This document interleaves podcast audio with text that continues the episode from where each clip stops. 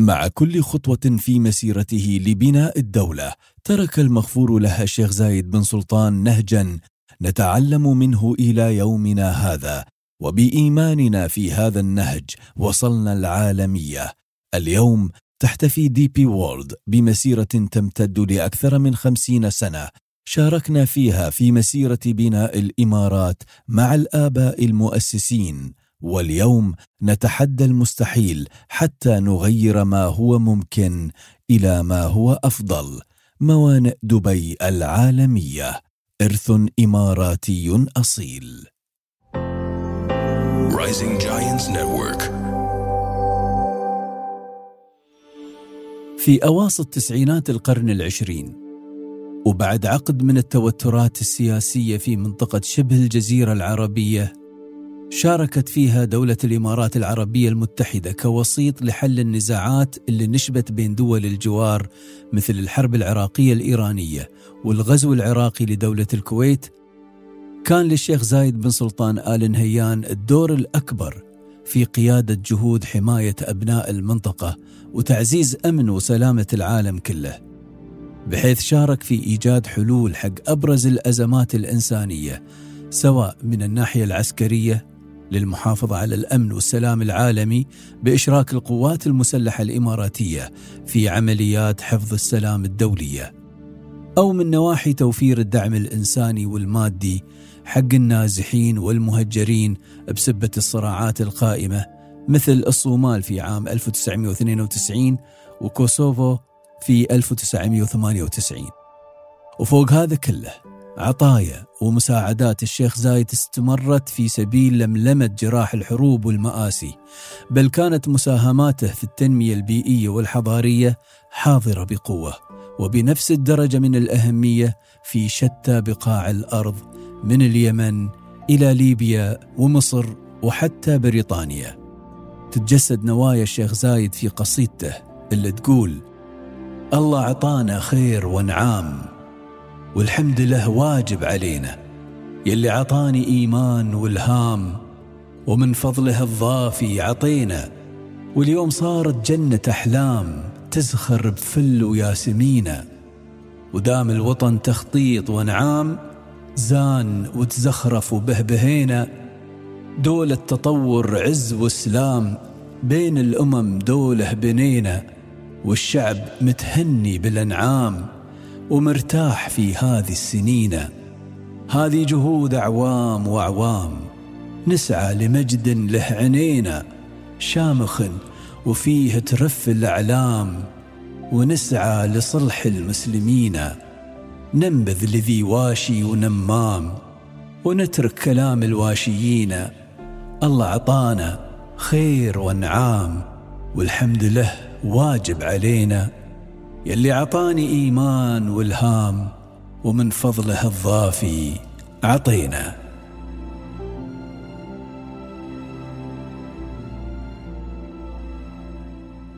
بالتعاون بين Rising Giants Network مؤسسة وطني الإمارات و DP World نقدم لكم قصة القائد المؤسس وباني الإنسان والدولة المغفور له الشيخ زايد بن سلطان آل نهيان طيب الله ثراه.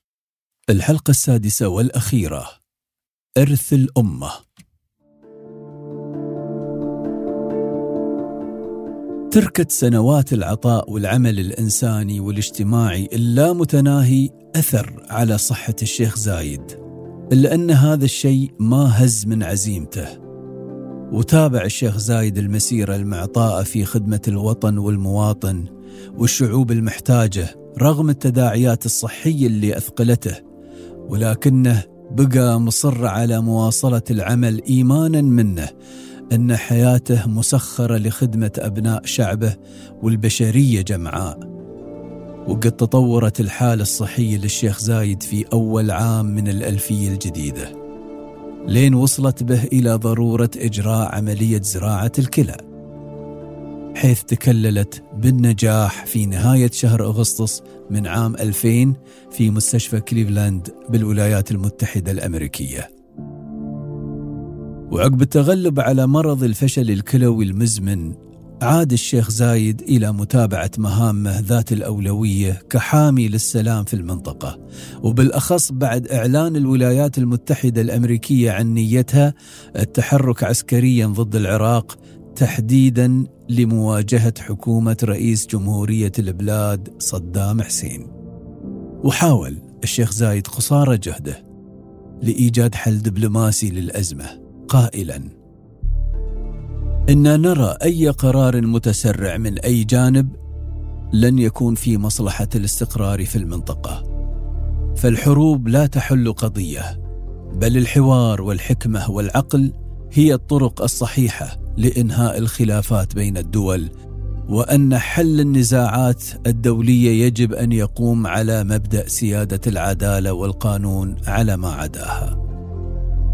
لكن بعد أن أعدت الولايات المتحدة جيوشها للتحرك العسكري على العراق كان للشيخ زايد محاولة أخيرة لحل الأزمة سلميا عن طريق مقترح قدمه في مؤتمر القمة العربية في شرم الشيخ في مارس 2003 لكي يتجنبون العدوان العسكري الوشيك على دولة من دول الجوار. كانت تتمحور مبادرة الشيخ زايد حول أربع نقاط رئيسية وهي واحد قبول الحكومة العراقية بقيادة الرئيس صدام حسين التنحي ومغادرة البلاد. اثنين ضمان الحصانة من الملاحقة القانونية محليا ودوليا للحكومة المتنحية. ثلاثة عفو عام وشامل داخل وخارج أراضي الجمهورية العراقية.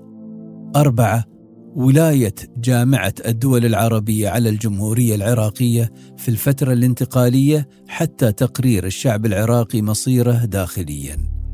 تم قبول هذه المبادرة من البعض، أما البعض الآخر فاعتبرها تدخل في الشؤون السياسية الداخلية للعراق. لكن معلوم تماما ما هي النية الصريحة للشيخ زايد وكان واضح أن الهدف المرجو هو منع كارثة محققة من الوقوع على شعب صديق. ورغم رفض الحكومة العراقية للمبادرة لم تتأخر دولة الإمارات بقيادة الشيخ زايد بإرسال الدعم وتقديم المساعدات الإنسانية بعد غزو الولايات المتحدة الأمريكية لأراضي العراق. كان عام 2004 صعب على الشيخ زايد وعلى شعب الإمارات ككل وقد ألمت بالشيخ زايد تداعيات صحية جديدة حيث اشتد عليه المرض واضطره لقضاء معظم العام في الجناح الطبي الخاص المقام له في قصر البحر في أبو ظبي حتى الثاني من نوفمبر الموافق للتاسع عشر من رمضان 1425 للهجرة. توفي الأب المؤسس والباني. صانع الاتحاد. الحكيم الحنون. الشيخ زايد بن سلطان آل نهيان.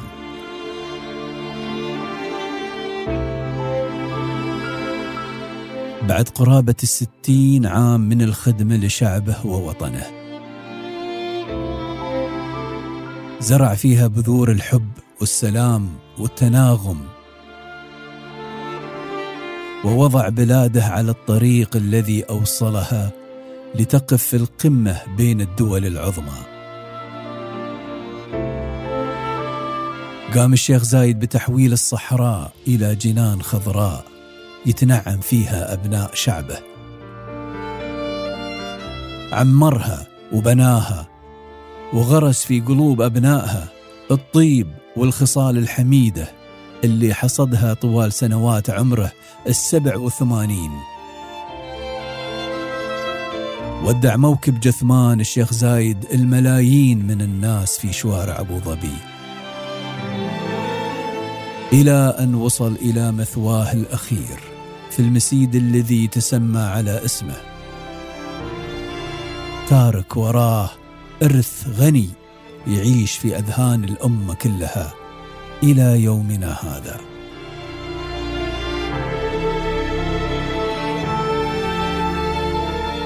وفي رثاه كتب صاحب السمو الشيخ محمد بن راشد آل مكتوم نائب رئيس الدولة رئيس مجلس الوزراء حاكم دبي رعاه الله قصيدة بعنوان إلى روح زايد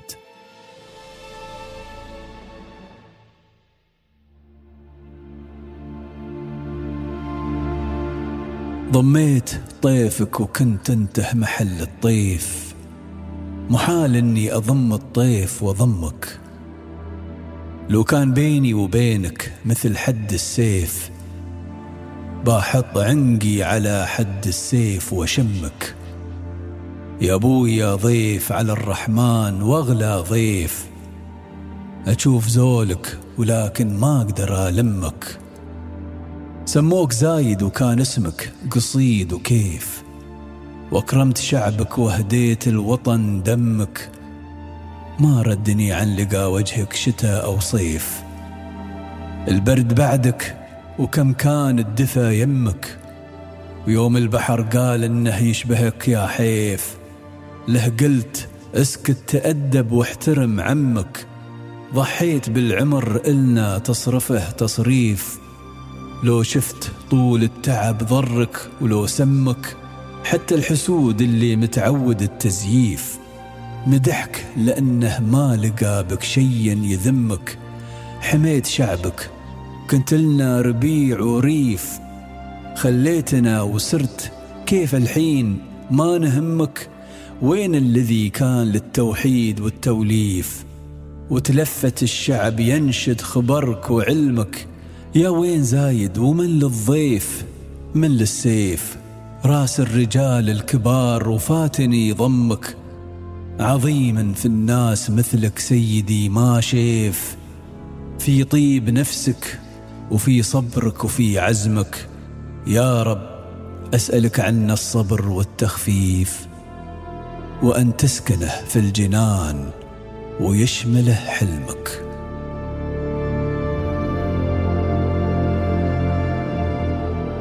هذا البودكاست من إنتاج Rising Giants Network ومؤسسة وطني الإمارات و DP World تقديم محمد يوسف.